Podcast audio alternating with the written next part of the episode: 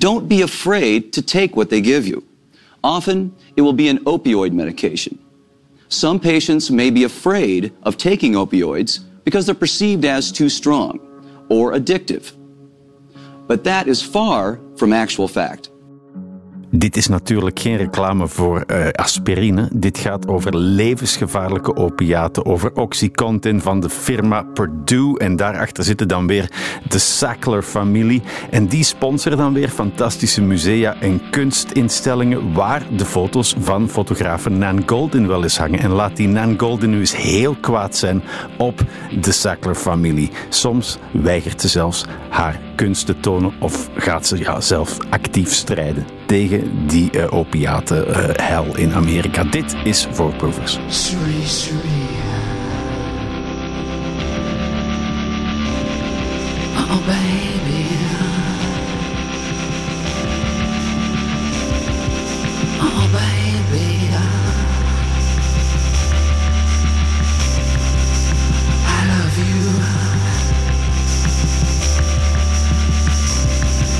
Vega. Suicide en Cherie. Ja, ik Zegt jou ook iets, hè? Ja, ik was zo op het concert geweest in uh, Eindhoven van Ellen Vega. Ik was helemaal gek van hem. En toen um, raakte ik uh, in de kleedkamer aan het praten met de pianist. En ik vertelde dat ik ooit naar New York wou komen. Zei, oh, dan kun je misschien bij een appartementje wonen. Dus ik woonde dus in het appartementje van de, de pianist van uh, Vega. Richard van Tienen. En uh, we gingen af en toe gezellig met Ellen Vega borrelen. Dat was een, een hele aardige vent. Oh ja. Dus, en maar dan komen we eigenlijk heel dicht in die periferie rond ja. Nan Golden. Hè? Ja, ja, ja. Ik, Nan Golden heb ik niet gekend, maar ik, ik zat wel een beetje zijdelings. Uh, schurkte ik wel tegen dat, dat wereldje aan. Ja, ja. Uh, zometeen gaan we naar dat New York. Gaan we naar de Bowery. maar eerst misschien moeten wij toch een tussenstop maken in een wijk in de suburbs van Boston. Het is geen vrolijke plek, hè? Uh, je bedoelt uh, Philadelphia, waar ik ben geweest? Zeg. Nee, waar Nan Golden geboren was. Oh ja, ja. Dan moeten we misschien even schetsen, uh, want, want, want hij heeft haar verdere leven wel bepaald. Die gezinssituatie. Ja, ze, kwam natuurlijk uit een, suburb, maar met, met een hele, hele strenge vader, een hele strenge moeder, heel erg gesloten. En zij had een zus een rebelse zus. Een stuk ouder, hè? Ja, een stuk ouder. En uh, ja, die is op een gegeven moment, omdat die familie, die, die, die kon haar niet, uh, niet handhaven. Die is toen in, in, in een pleeggezin gestopt. In een weeshuis zelfs. Weeshuis, ja. ja. En uh, pleeggezin weglopen, uiteindelijk een weeshuis. En die heeft zich op een gegeven moment van kant gemaakt. Mhm. En dat werd door de familie ook uh, Helemaal verzwegen, want het was, het was, het, wat er gebeurd was, was volgens de vader en de moeder niet gebeurd. Het was een ongeluk Een ongeluk, geweest. ja, een, Een, een, een, een, verhaal van onderdrukking en, en repressie. En, uh, ja, en daardoor begint zij ook te fotograferen. Ja, ja dit, dit, is natuurlijk een tijd waarin uh, jaren zeventig, vooral de oude generaties, die, die natuurlijk heel moeilijk over gevoelens konden praten. Mhm. Tegenwoordig kun je heel makkelijk over depressies en die soort dingen praten. Uh, maar dit, dat was natuurlijk een e-, enorm taboe. En ja, Nen heeft dat op een, een of andere manier proberen te verwerken. Inderdaad, door, door de camera te pakken als een soort therapeutisch middel. En ook om te bewijzen dat wat er gebeurd was wel degelijk plaats heeft gevonden. Zat er tastbare bewijzen van. Ja, dat, dat is echt tastbare bewijzen. En na de hand, dat is heel interessant. Dat is het interessantste deel van de film. Dan komen al die, die psychiatrische rapporten van die, die, die, die, die, die psychologen die komen, waarin in feite ook eh, die ouders gewoon uh, toch wel een, uh, een deel van de verantwoordelijkheid wordt toegewezen. Heel hard. En daar komt ook die. die ja, er was een psychiater die zei van niet de zus, van nou, niet Barbara moest uh, opgenomen worden, maar eigenlijk de moeder. Ja, die, die moeder had ook enorme issues. En ja, het, is natuurlijk een heel triest verhaal. Dat is inderdaad om, om heel bot te zeggen, intergenerationele fuck-up. Je, je moeder is een beetje gestoord en een beetje gek. En dat, uh, het kind neemt het over. En uh, dat kan soms goede, uh, goed aflopen.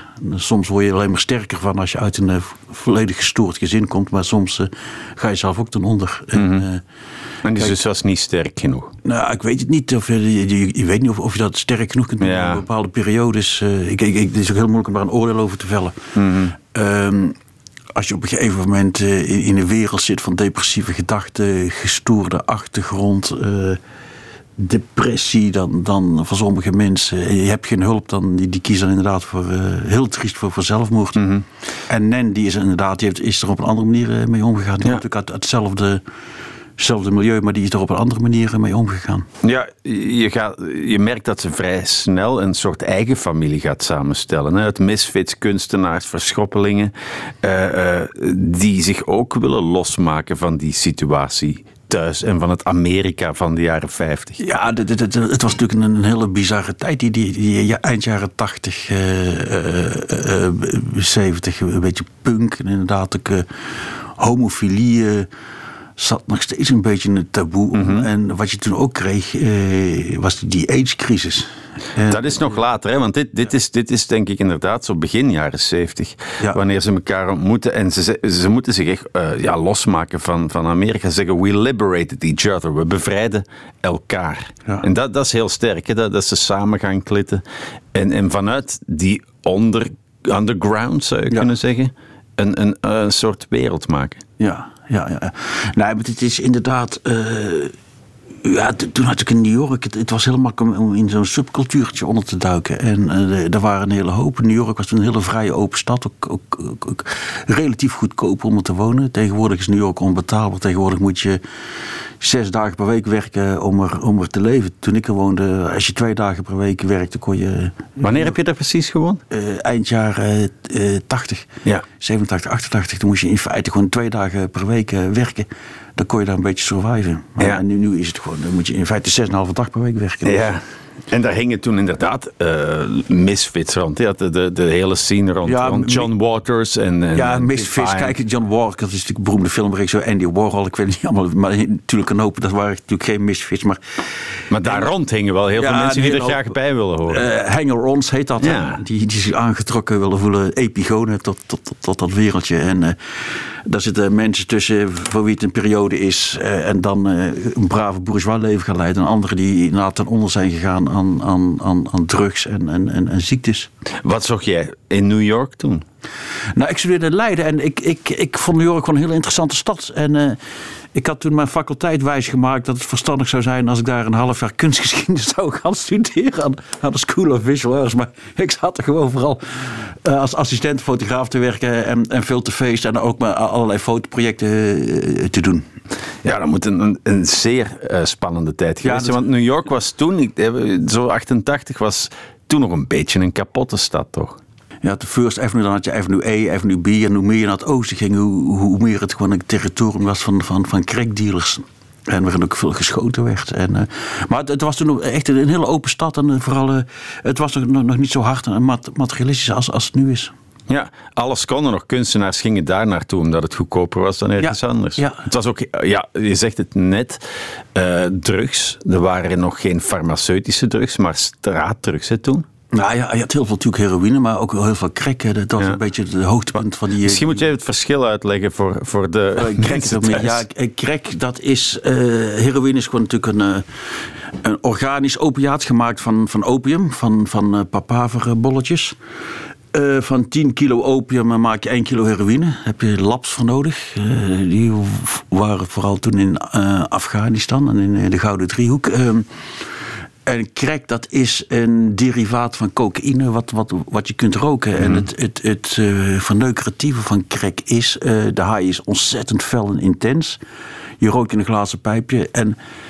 De, werden ook, het werd op de markt gebracht in, in kleine capsuletjes van 3 of 4 dollar. Dus het was in feite... Uh, een heel toegankelijk. Van, heel toegankelijk. Een, een, een, een terug van de armen. Je, je, je, je, hoefde geen 50 dollar te betalen om een grammetje te snuiven. Maar je kon echt gewoon ja, een, een, een, een, tiende gram kopen. Of, nou, het was natuurlijk allemaal, verdund en versneden met alle andere troep. Maar toen zijn er vooral met name in de zwarte gemeenschap ontzettend veel mensen aan, aan verslaafd mm geraakt. Ja, in de film zien we ook dat Nan Golden en, en haar vrienden beginnen te experimenteren met heroïne met name. Ja. Uh, dat, is, dat is een klassiek opiaat. Dus, dus ja, heroïne wat, is, daar het... Eh, waarom, waarom vindt iedereen dat zo lekker, zo onweerstaanbaar? Daar was gewoon heel, heel, Kijk, ik heb ook wel eens heroïne gebruikt. Moet ik eigenlijk niet op de radio zeggen. Maar ja, je, je wordt gewoon lekker relaxed van, een lekker slow. Maar je voelt je gewoon lekker. En voor de rest is het geen enkel, heeft geen enkele interessante eh, psychologische bijwerking. Je voelt je gewoon warm en alsof je onder een dekentje kruipt.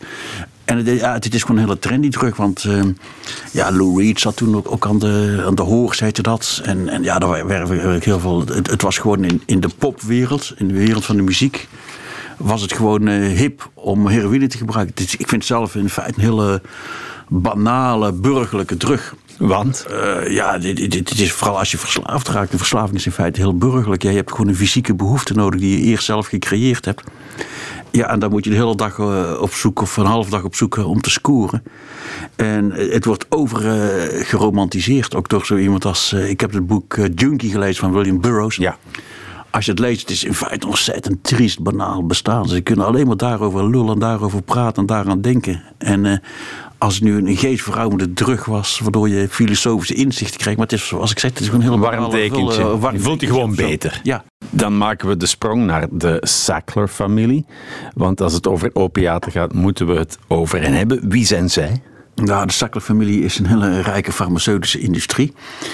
En die hebben dus een, um, een pijnstiller op de markt gebracht. Die pijnstiller heette Oxycodon. En de brandneem, de, de merknaam was uh, Oxycontin, omdat het een continue afgifte was van Oxycodone. Uh, het probleem was, het is een opium of een, een, ook een opiaat.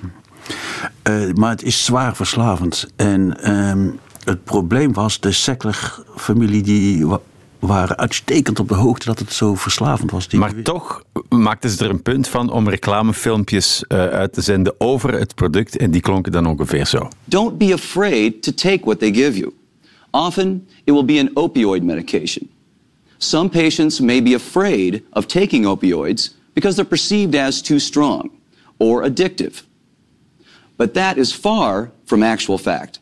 Ja, het, is, het is niet verslavend, het valt best mee. Dit, dit, dit is een misdadige, ranzige leugen. Uh, Purdue firma en de Sackler, die waren uitstekend op de hoogte dat 13, uh, 15% van de mensen meteen verslaafd zou raken. Ze hebben ook bewust gewerkt uh, mensen verslaafd te maken echt als, als dooppushers. Dokters uh, werden betaald om het voor te dokters schrijven. die kregen een commissie en je had ook pain management uh, congressen, waarin inderdaad ook filosofisch van uh, nobody heeft het recht, iedereen heeft het recht op een pijnloos bestaan. mensen kregen vaak de eerste 30 dagen gratis oxycontin en dat was genoeg om gelijk verslaafd te raken. En dus op een gegeven moment is, is dat zich door, door heel Amerika gaan verspreiden. Op een gegeven moment had je ook pilmills heette dat. Dat waren eh, of apothekers en, en artsen die, die, die, die schreven aan de lopende band receptjes uit. En mensen gingen dat op een gegeven moment ook, ook die pillen malen en oplossen en, en dan spuiten. Dat heette dan hillbilly heroïne. Hillbilly is de Amerikaanse term voor een beetje uh, white trash, lagere sociaal-economische klasse. Dus toen heb je dus een enorme grote groep verslaafden gekregen. En dat, dat was het, de, de eerste aspect van... de opiumcrisis. En um, tweede fase was dat uh, de Mexicanen, die, die, die, die roken weer geld in Mexicaanse kartels. Uh, toen begonnen Ameri de Mexicanen heroïne op de markt te brengen. Uh, inderdaad, en veel mensen die aan oxycontine verslaafd waren, was heroïne gewoon een goedkoper uh, alternatief. En er waren inderdaad geen junkies uh, of hippe mensen à William Burroughs of Lou Reed, maar het waren gewoon. mensen die eigenlijk gewoon pech hadden om naar de ja. dokter te gaan op dat ogenblik. Ja, en wat, wat natuurlijk ook het is natuurlijk een hele zware kapitalistische maatschappij. En een hele hoop mensen die. Oxycontine werd echt voorgeschreven door, laat ik zeggen, het. Uh, de disposable people die uh, rugklachten hadden, die mm -hmm. zich hele leven lang bouwvakkers, uh, die zich kapot hadden gewerkt. En dan kun je twee dingen doen. Dan kun je rugoperatie doen of, of therapie. Maar een pijnstilletje is veel goedkoper. Dus het is ook echt typisch Amerikaans ja, kapitalistisch product. Dat je in feite uh, te walgelijk verwoorden. Dus die Mexicanen kwamen dus toen met heroïne. Maar na de hand is een nieuw product gekomen, fentanyl. En fentanyl is kunstmatige heroïne. Dat is uitgevonden net zoals een saxofoon door een Belg, door, door Paul Jansen. Met de beste bedoeling natuurlijk. Uh, enorm sterke pijnstiller, 50 keer sterker als heroïne. Dat kan je bijna niet juist doseren. Uh, dat, dat, kan je wel, maar dan moet je echt een arts of een apotheker. Of een, en um, wat je toen hebt gekregen, de Chinezen, die hebben dat. Uh, China heeft dat op grote schaal verkocht aan Amerika. En op een gegeven moment krijg je dus een democratisering van drugsdealen. Vroeger, als je drugs wou dealen, dan moest je nog een beetje shady contact hebben met een paar kartels. Maar uh, in begin 2000 kon gewoon elke, elke nette jongen achter een, in zijn woonkamer, achter zijn computer, een kilo fentanyl in, in, in China bestellen. Mm -hmm. En dat eh, een beetje versnijden met een keukenmixertje, wat vaak heel slordig gebeurde. Want mixer is ook een, een, een vak apart. Centrifugale kracht en alles en nog wat. Ja. Ja, en, en dus die begon op het dark web fentanyl te, te, en, en wat je nu hebt, zijn de Mexicanen, die hebben weer op gat op de markt gesprongen. Dus de Mexicanen, Sinaloa-kartel, die produceert nu op grote schaal fentanyl. Wat weer naar Amerika wordt geproduceerd. En wat je dus tegenwoordig hebt in Amerika. ehm, je kunt geen. eh, ik ben in Philadelphia een paar keer geweest. Kensington heeft nu heel berucht met van die zombie-apocalypse filmpjes. Dat was vroeger een openluchtmarkt voor eh, heroïne, maar de, de heroïne is compleet verdwenen. Heroïne is in feite een, een soort eh, natuurlijke product. Bio- zoals, eh, biodrugs. Bio, biodrugs zoals havermout, eh, melk Ja. of, of quinone. En het is allemaal fentanyl en het is strontgoedkoop, 5 dollar voor een portie. En heel makkelijke overdose, want je, je weet niet wat je krijgt. En eh, ja, het, het gaat van kwaad tot erg. Ja, en dat klinkt ongeveer zo.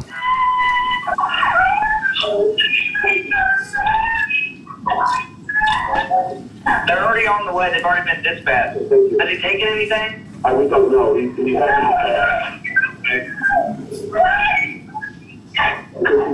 Oh my god. You got a lot of what's her name?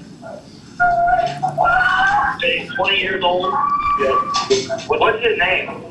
What's his name? Brian W-A-C-E. Okay, we're on the way, okay? Thank you, sir. Uh-huh. Ja, dit is een 911-telefoontje zoals er iedere dag Ja. honderden gebeuren. hè? Een overdosis van fentanyl. En als je daar niet heel snel bij bent, dan eh, ben je binnen, binnen 10 minuten dood. Je hebt tegenwoordig een eh, anti, eh, een opioïdeblokker, Narcan. Ja. Alle hulpverleners die hebben die, eh, dat ook bijna alle politieagenten, dat moet, dat moet je in je neus spuiten. Maar In, in de film is Nan Golden daar ook mee in de weer. Die, die heeft een aantal slachtoffers rond zich verzameld in de groep Pain. Ja. En zij willen mensen ook redden. En, ja, ja en, dat, en, dat en- zijn van, van die, die blauwe etuietjes. Die worden helaas ook vaak gebruikt door verslaafden. Omdat je dat en daar zit dan die... De, Ja. dat moet je in je neus stoppen. Een verstuiver is dat, een neusverstuiver. ja. Maar het probleem is, die fentanyl is ook tegenwoordig versneden met allerlei andere drugs. Eh, En dan werkt het niet meer. werkt het niet meer. En wat je dus nu hebt, en ik ben net terug uit Philadelphia en tegenwoordig wordt de fentanyl versneden. Het probleem met fentanyl is, eh, de haai duurt heel, heel intens, heel kort, anderhalf uur. Dus dan moet je weer een nieuwe shot hebben. Als je een shot heroïne neemt en je hebt goede kwaliteit, dan, dan heb je misschien maar twee shots per dag nodig. Maar fentanyl moet je dus echt 10 of 15 shots nemen. Dus die mensen spuiten zich helemaal lek. Maar eh, wat ze dan doen, ze vermengen tegenwoordig eh, de fentanyl met een, eh, een tranquilizer. De straatnaam is Trank. De officiële naam is xylazine met een X. En dat geeft, eh, zoals Amerika zeggen, het gift the fentanyl legs. Eh, Die fentanyl gaat dan iets langer mee. En de, de, de afkick, de down is niet zo intens. Maar het probleem is, ehm, of je spuit of snuift of rookt, je krijgt ontzettend grote wonden, je vlees rot weg. En ik heb daar echt mensen gesproken die niet meer konden lopen, die in rolstoelen zaten. Jij bent net terug uit Philadelphia, Ja? En ik sprak één meisje. Ja, die, die had ook die wonden en, en die, die stonk echt. Dat was echt, dat, dat, dat was ja, alsof je de nieuwe melaatse hebt. En eh, ja, je, je vlees rot weg. En, eh, heel, En zeggen die mensen dan van, kijk, eh, het is zo snel gegaan. Ik was eigenlijk gewoon... eh, nou, die, die, die mensen, ze weten niet. Kijk, als je eenmaal verslaat aan die fentanyl, dan, dan. Ik heb een hele hoop mensen gesproken. Ik kwam ook één meisje tegen, wat ik een half jaar geleden ook was tegengekomen. Die, die, die was een half jaar tijd, eh, drie jaar verouderd. En ik zeg. Eh, ga je ooit stoppen? Ja, ik ga stoppen eh, als ik er klaar voor ben. En eh, ik vraag wanneer ben je er klaar voor? Ja, dat weet ik niet. En dat andere meisje, Danielle heet ze, die dus die verschrikkelijke wonden op haar benen had, ook in een rolstoel zat. Die wo- woonde in feite in een rolstoel onder een brug. Was vroeger een heel mooi meisje. Die, zei, ja, vroeger kreeg ik veel klanten, had ik lang blond haar, dus prostitutie natuurlijk. Ehm, eh, ja, die, die stonk. En ik zeg, wat, hoe zie jij je toekomst? Ik zeg, ja, ik, ik heb geen toekomst. Ik ga waarschijnlijk dood hier onder, eh, onder de, de brug. En eh, ze moest ook echt spuiten. Niet alleen omdat ze verslaafd was, maar ook gewoon omdat die wonden zoveel pijn deden. Dus het is... ja, het, een complete desintegratie van de inner cities van Amerika. En er zijn afgelopen jaar eh, 110.000 eh, doden gevallen overdoses. In, in totaal eh, heeft de opioïdecrisis een half miljoen doden Ja. gemaakt. Als, als meer eh, als dat er soldaten, Yankee-soldaten in de Tweede Wereldoorlog zijn gesneuveld. Ongelooflijk. En dat is waar Nan Golden en haar eh, organisatie ook komaf mee wil maken. Ja, ja, ja die, die houdt zich nu ook inderdaad bezig met, met, met die nieuwe die, die, die fentanyl. Maar het is in- inderdaad allemaal begonnen door die, door, Ja, door die, die sacklers. Met, met de opioïden. En het, het trieste is, eh, dat komt ook in die film naar voren. ehm, die sectors, dat waren gewoon, eh, die, die gaven heel veel subsidie aan, aan, aan musea. De, de, de Amerikaanse filantropie en had er een secular wing, een vleugel in, in het Metropolitan Museum of Art in Guggenheim. Maar ook En- in Europa. In, Ook in Europa, de ja. National Portrait Gallery, in het Louvre, overal Ja. enorme eh, donaties. Ja, en, en Nan Golding is natuurlijk heel, heel intelligent en slim. Die zijn toen inderdaad die, die kunstinstellingen met, met, met een soort guerrilla-acties. Maar er werd niks kapot gemaakt. Er werden geen, geen blikken soep. Beschrijf eens zo'n actie. Want er zijn er een aantal te zien in de film. Eén actie, dan gaan ze allemaal naar, naar het Guggenheim. En Guggenheim, dat is een, in feite een enorm grote spiraal, een grote trap. Fantastische architectuur. En dan gooien ze op een gegeven moment allemaal doctors prescriptions en pamfletjes en allemaal van die, van die lege pillendoosjes eh, naar beneden. En ook, ook in het Metropolitan Museum in een soort vijf, vijver binnen in het museum. En er wordt niks kapot gemaakt, maar er wordt geroepen en er wordt gefilmd. Dus het, het, het, het creëert ontzettend veel, veel aandacht. En Dat is heel slim, want zij heeft ook wel macht. Want haar foto's hangen ook in die musea en staan in de bergen. En, en, en eh, zij heeft ook eh, een principe gehad van, van de National Portrait Gallery. wou haar werk tonen. En toen heeft zij gezegd van jullie moeten eerst gaan doen met, met, met, met, met, met, de- tegen de sectors. Anders ga ik dat niet hangen. En dat, is een soort eh, bewonderingswaardige moed en integriteit die je in de kunstwereld van eh, tegenwoordig vaak eh, ver te zoeken is, maar natuurlijk veel opportunisme Want zitten. voor haar was het een enorm belangrijke show. Een heel belangrijke Ja, ja. tentoonstelling. Kijk, en eh, waarschijnlijk was ze ook wel zo zelfverzekerd dat ze wist van. als, als, als dit niet doorgaat, krijg ik wel een andere show. Maar ik vind in ieder geval. Daarmee heeft het probleem wel enorm aan, aan de kaart gebracht. Er was ook een andere kunstenaar. Die heeft toen eh, voor het hoofdkwartier van de Purdue Pharma. Een enorme sculptuur van wel vijf meter lang van een hele grote lepel. Een soort omgebogen heroïnelepel. En ook om de secklers in, in verlegenheid te brengen. Een galeriehouder uit, uit Boston. Dus die guerrilla-acties uit de kunstwereld... die hebben toen een hele hoop bewustzijn gecreëerd. Want... ehm, Kijk, die kunstwereld, de journalistiek, dat is natuurlijk twee handen op één buik. Dus dat wordt opgepakt door de media. En uiteindelijk zijn er processen gekomen tegen de Secklers en tegen Purdue. En in het begin moesten ze nog 600 miljoen betalen. Dat is een beetje een eh, peanuts. Uiteindelijk zijn ze dus een paar jaar geleden bankrupt verklaard. Ja, daar gaan we straks naartoe. Ja. Daar gaan we straks naartoe. Eerst moeten we toch, toch nog eens even naar eh, de ellende die zij eigenlijk veroorzaakt hebben.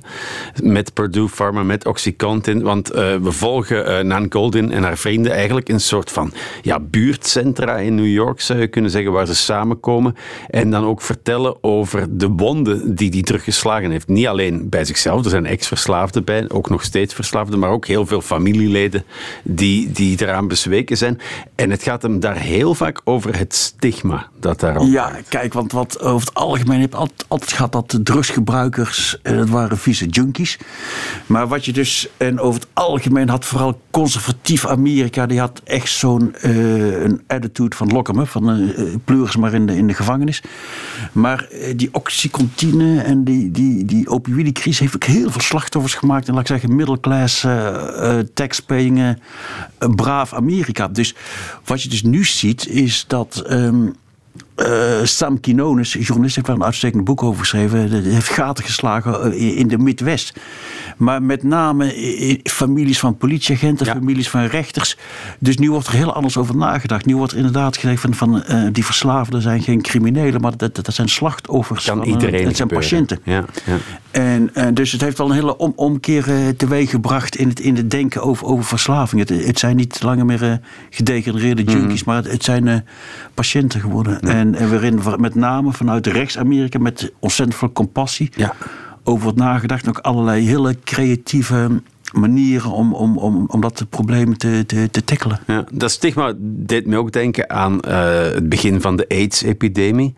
Ja, Eh, daar, was, daar was jij bij ook, hè? Ja, ja, ja want eh, je had toen zo'n actiegroep ACT UP. Ja. En in het begin was het zo dat AIDS werd, dat werd een beetje afgedaan. Dat is de jaren 70, 80 van dat zijn allemaal vieze homo's die elkaar in de kont neuken. En dan krijg je natuurlijk krijg je een AIDS of spuiters. Eh, er is natuurlijk veel meer aan de hand. Eh, eh, vooral de conservatieve Amerika, be- beroemde senator Jesse Helms uit North Carolina. Dat was dus echt gewoon een. eh, de personificatie van een right-wing asshole. Excuseer het uit het woord.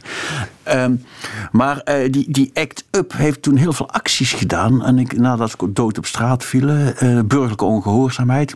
Om dat bewustzijn voor, voor AIDS en, en om, om treatment, om medicijnen eh, toegankelijker te maken.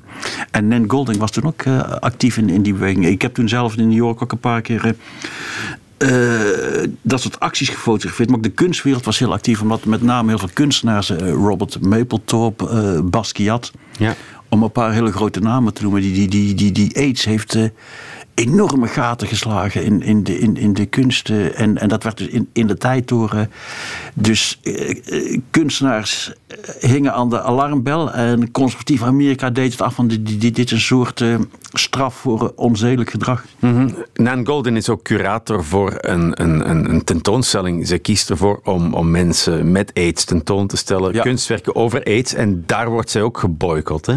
Ja, Word- word- Worden de subsidies teruggetrokken, want te Ja, gevoelig. dat, dat, dat, was de DEA, de National Endowment for the Arts. En die was toen nog een beetje conservatief. Tegenwoordig is helemaal omgeslagen. Als je, als je niet eh, woke bent, dan, dan, dan krijg je geen subsidies. Dus nu is het momenteel doorgeslagen naar de andere kant. Maar da- da- da- dat was toen een hele controversiële show. Daar, werd ook gewoon eh, toch wel vrij expliciet... eh, foto's vertoond. Om, eh, wat sommige mensen zouden kunnen interpreteren als homoporno.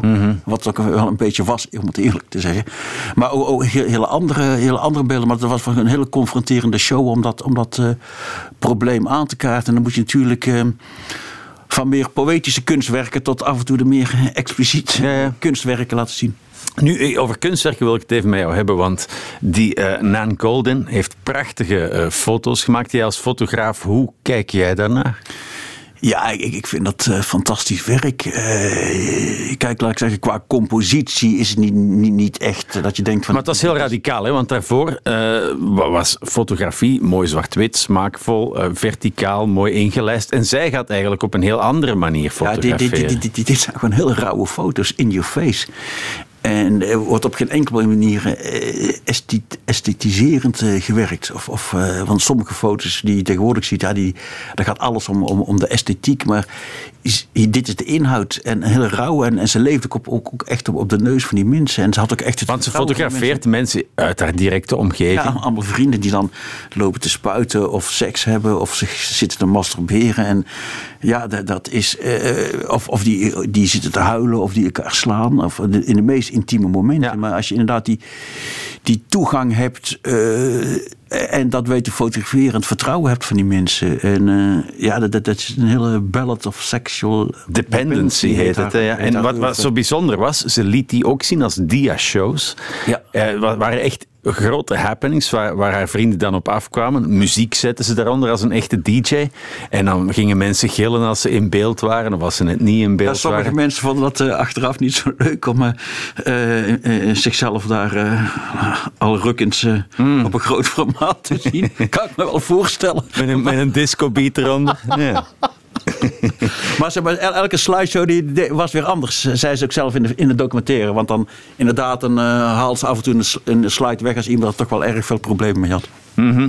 Eh, ik, uiteindelijk, ja, ik, ik weet nog goed, ik was denk ik twaalf of zo. En dan ging ik in de, in de FNAC kijken naar de fotoboeken van Nan Golden. En, en ja, dat zijn wel beelden die, die Ja, erin hakken. In al hun poëzie eigenlijk. Ja, ja het, het, het, het zijn hele rauwe beelden. Hè? Kijk, ik, ik ben naderhand een beetje in, de oorlogsfotografie verzuid geraakt. Maar eh, die, die, dit is natuurlijk ook een, soort. eh, ja, ik zeg emotional warfare, dat, dat, dat klinkt iets, iets te pathetisch en te dramatisch. Maar die, die- dit is ook een, een, een enorm intense beelden. Jij eh, maakt ook foto's van, van die epidemie in Amerika. Hoe, Ja. hoe, hoe pak jij dat fotograferen Ja, aan? het, is- het, is, het is heel moeilijk, want je loopt op de straten rond. Kijk, in, van eh, Philadelphia en eh, heel vijandig. En waar je voor moet oppassen zijn dealers. Daar wordt ook heel veel geschoten. En eh, als je niet oppast, word je gewoon voor je kop geknald. En mensen zijn gênant. Die willen die, die voelen zich kwetsbaar. Maar ik maak dan vaak met mensen een praatje en dan kun je wel wat foto's nemen.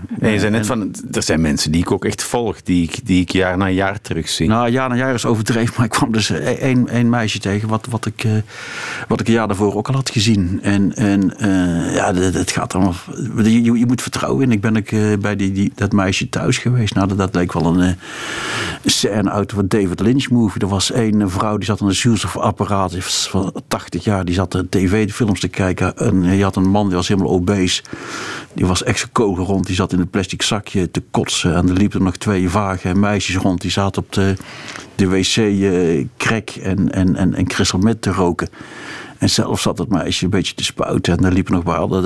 En er woonden allemaal in een Oké, dan kom jij binnen met je camera. een appartementje van, eh, van 30 vierkante meter. Ja, van een paar kon ik wel foto's nemen, van een paar niet. Dus, dus eh, kijk, het, het, het kost gewoon heel veel tijd. En, en ehm, wat zo frustrerend is, ik vind het heel. Je hebt in die, die, die, die opioïdecrisis in Philadelphia, dat is tegenwoordig een apart genre geworden, de, de zombie walk. Mensen nemen uit de rijdende auto's, die nemen beelden en dat, dat is vrij makkelijk. Je hoeft niet op straat te begeven. Maar jij stapt uit. Eh, Echt tussen de mensen begeven is, is, is, is toch wel eng hoor. En, eh, Waarom wil je dit fotograferen? ja, ik, Uitgerekend dit? ik vind het fascinerend en het is, het is blijkbaar ook een soort betrokkenheid of zo. En een soort ongerustheid over wat er gebeurt. Maar het is ook natuurlijk een. eh, dat is meer de morele kant. Maar het is natuurlijk ook, fotografisch fascinerend om, om dat, eh, laat ik zeggen, de, de hel op aarde eh, fotografisch eh, te registreren. Want het is echt.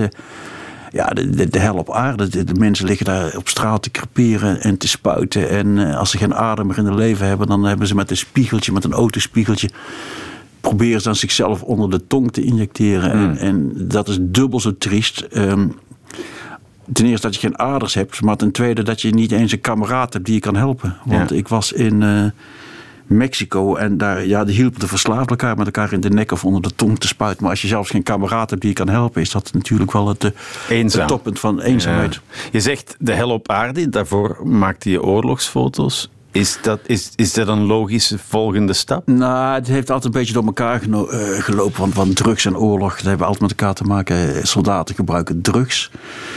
En oorlog worden gefotografeerd, eh, ge- gefinancierd door, door drugs. Dus het loopt altijd een beetje elkaar over. Maar ehm, Eh, ja, goed, we moeten het even hebben over inderdaad eh, die Purdue. Die, Ja, die, Purdue. Toch, die toch, de firma die Oxy, Oxycodon, Oxycontin produceert, die eh, toch gevoelig is voor die acties van Nan Goldin en haar vrienden. Ja, kijk, het heeft natuurlijk alles te maken met imago. Ze hebben zich, eh, ten eerste wil ik trouwens opmerken, dit is natuurlijk een, een, een, een, een heel perfect eh, voorbeeld hoe, hoe eh, mensen denken, je hebt de good guys en bad guys, je hebt de criminele organisaties en, en legit pharma. Dit is natuurlijk een perfect voorbeeld hoe legit pharma, dat in feite ook ontzettende smeerlappen, semi-criminele organisaties zijn. En ook het blind vertrouwen in pharma. En ik, wil, ik wil niet in een hele COVID-vaccin discussie, maar eh, dat blind vertrouwen in pharma is, is nooit gerechtvaardigd. Maar ehm, ja, die zijn natuurlijk ontzettend imagogevoelig. Want, want ze willen zich voorstellen als, als natuurlijk als, als patrons of the art, als filantropen die eh, miljoenen geven aan, aan het Met en aan, aan Metropolitan. En, en, ja, en opeens worden ze gebrandmerkt als, als, als, als criminelen en, en- als moordenaars, wat ze in feite ook zijn. En ze hebben dus heel lang in een soort vorm van eh, cognitieve dissonantie elke verantwoordelijkheid eh, ontkend. En ook letterlijk een schaamteloze manier ook gezegd van de verslaafden zijn een criminelen. Het zijn niet wij, maar het zijn de verslaafden. Ja, ja. Dus het is e- echt gênant. En eh, ja, op een gegeven moment is het doek gevallen. En die hebben dus 6 miljard moeten betalen. Die firma is failliet. Maar ja, het zijn natuurlijk eh schooiers. En ze hebben natuurlijk een hele hoop geld er, eruit getrokken. De Sacklers zagen het aankomen inderdaad. Ja, de familie erachter en hebben miljarden uit de firma Ja, getrokken. een jaar uit de firma getrokken. En wat ook erg is, ze, zijn, eh, ze hebben een soort persoonlijke immuniteit. Dus kijk, het, het, het zou heel goed zijn eh, als die mensen gewoon vijf jaar in de gevangenis werden gezet. ja, die, die crisis is verre van over. Hè. Ik bedoel, de, film presenteert het inderdaad wel zo van: kijk, ja, eh, Purdue is failliet en, en, en er is beter, Nee, die- die- betere die- hand. Die, die vent in de crisis gaat door en het, het, het wordt steeds erger. En eh, Philadelphia, maar ook de hele West Coast in, in San Francisco heb je een hele buurt die volledig ontwricht zijn. En het ergste is, door een liberaal beleid eh, dus dit, is, laat ik zeggen, een, een, een clusterfuck. Je hebt verschillende factoren. Je hebt inderdaad die, die Sackler-familie. Je hebt eh, eh, China die het ehm, bewust exporteert. Sommige mensen interpreteren dat als chemical drug warfare. Om, om een soort wraak op de opiumoorlogen. Opiumoorlog, heel interessant. Toen heeft de Engelse East Indian Trading Company opium opgedrongen aan China. Dat op een gegeven moment 20% verslaafd had. Toen China, China zei no way willen we niet meer. Toen hebben ze de oorlog uitgeroepen dat Ja. aan de opium was. Dus in feite het eerste, de Engelse overheid was het eerste Engelse internationale drugskartel. Ja. Dus die fentanyl-crisis, sommige mensen zien dat als een soort wraak op de, op, op de opiumoorlogen. Maar eh, wat je dus ook hebt, je hebt een goedwillende liberalen en die zeggen ja, we moeten drugsgebruikers niet criminaliseren. Dus eh, kleine porties hebben is oké, waarin iedereen dus gewoon kan dealen. En wij moeten ook eh, winkeldiefstal niet criminaliseren. En tegenwoordig een winkeldiefstal eh, tot 950 dollar is geen eh, misdaad Ja, ja, meer, ja, maar een overtreding, een, een misdemeanor. En wat gevolg is dat mensen stelen alle winkels leeg. verkopen het aan andere winkeltjes. Dus die winkels gaan failliet. Andere winkels gaan ook failliet omdat ze oneerlijke concurrentie hebben. En, en, en winkels verdwijnen uit de straat van San Francisco. En ja, mensen liggen op straat te spuiten. Ja. Kinderen lopen eroverheen. En het is nu zo erg in San Francisco. eh, dat de National Guard is, is, is ehm, opgeroepen. Bijna het leger is dat. Ja, ja, ja sinds, sinds, sinds een week of zo. Hmm. Ik volg dat die situatie op de goed. Ik wil er waarschijnlijk naar de zomer er weer eens naartoe. Ja. Naar de Surf City. Maar eh, Oké, je zit er met je neus bovenop. Je zegt dit en dit en dit Ja. is een clusterfuck. Dit is fout. Wat is volgens jou een oplossing? nou, het is natuurlijk een heel moeilijk, omdat het gewoon een clusterfuck is met verschillende factoren. Is natuurlijk de oplossing is ook heel moeilijk. En eh, kijk, Amerika is natuurlijk een snoeihard kapitalistisch land. En, en, en elk land krijgt de drugsepidemie die, die het verdient. En ehm, ik liet die foto's zien aan de verslavingsdeskundige in, in Praag, waar je ook veel problemen hebt met crystal meth. Ja, die kon zich niet voorstellen dat, dat mensen zo, eh, eh, zo op straat leven. En ehm, eh, ik, ik denk dat je ook toch wel moet nadenken, eh, inderdaad, strengere straffen voor dealers. Ehm, maar dat je ook moet nadenken aan, aan verplicht eh, afkicken. En eh, sommige mensen vinden dat eh, eh, heel, heel radicaal. Eh, ik sprak met een verslavingsdeskundige en die, eh, dat was toch wel iemand die vrij eh, nou, de links-liberale denken, woke denken vertegenwoordigde. Die zei ook, ja, verplicht afkicken, dat is, dat is eh, on, onmenselijk. Terwijl ik denk, als je aan de fentanyl verslaafd zit, dat, dat is pas eh, onmenselijk. En meer repressie helpt ook niet. Maar ik heb het niet over gebruikers eh, criminaliseren, maar vooral de, de dealers. Kijk, het probleem is natuurlijk dat veel gebruikers die gaan zelf ook verkopen om, om hun eigen gebruik te financieren. Du- Dus waar ligt die grens? Maar er zijn toch wel duidelijk ook in, op Philadelphia. Daar zag je toch duidelijk wie, wie de echte dealers zijn. Dat zijn de jongens eh, die zelf niet gebruiken en op schone gymschoentjes rondlopen. En ook Zoals de Sackler-familie zou je ja, ja, maar dan, zeggen. maar dan een beetje strak. Maar eh, daar worden ook gratis monsters uitgedeeld, samples. Ja, En letterlijk om mensen verslaafd te krijgen. net als bij Oxycodone. Ja, en ik sprak één verslaafde. eh, die zei letterlijk van, dit is ideaal, want je hebt gratis spuiten. En er zijn ook mensen die verkopen alle spuiten door om zichzelf... eh, dat is natuurlijk goed dat je schone spuiten krijgt... maar andere mensen gaan niet doorverkopen. Hij Ja. dus gratis spuiten, gratis eten en, en gratis, eh, gratis samples. Dus paradijs voor, voor, voor verslaafden. Op naar Philadelphia allemaal. Eh Teun Voeten, enorm bedankt. Het is een heel complex probleem. Het is ook een hele mooie film die iedereen moet zien. Hè? Absoluut eh, de moeite waard.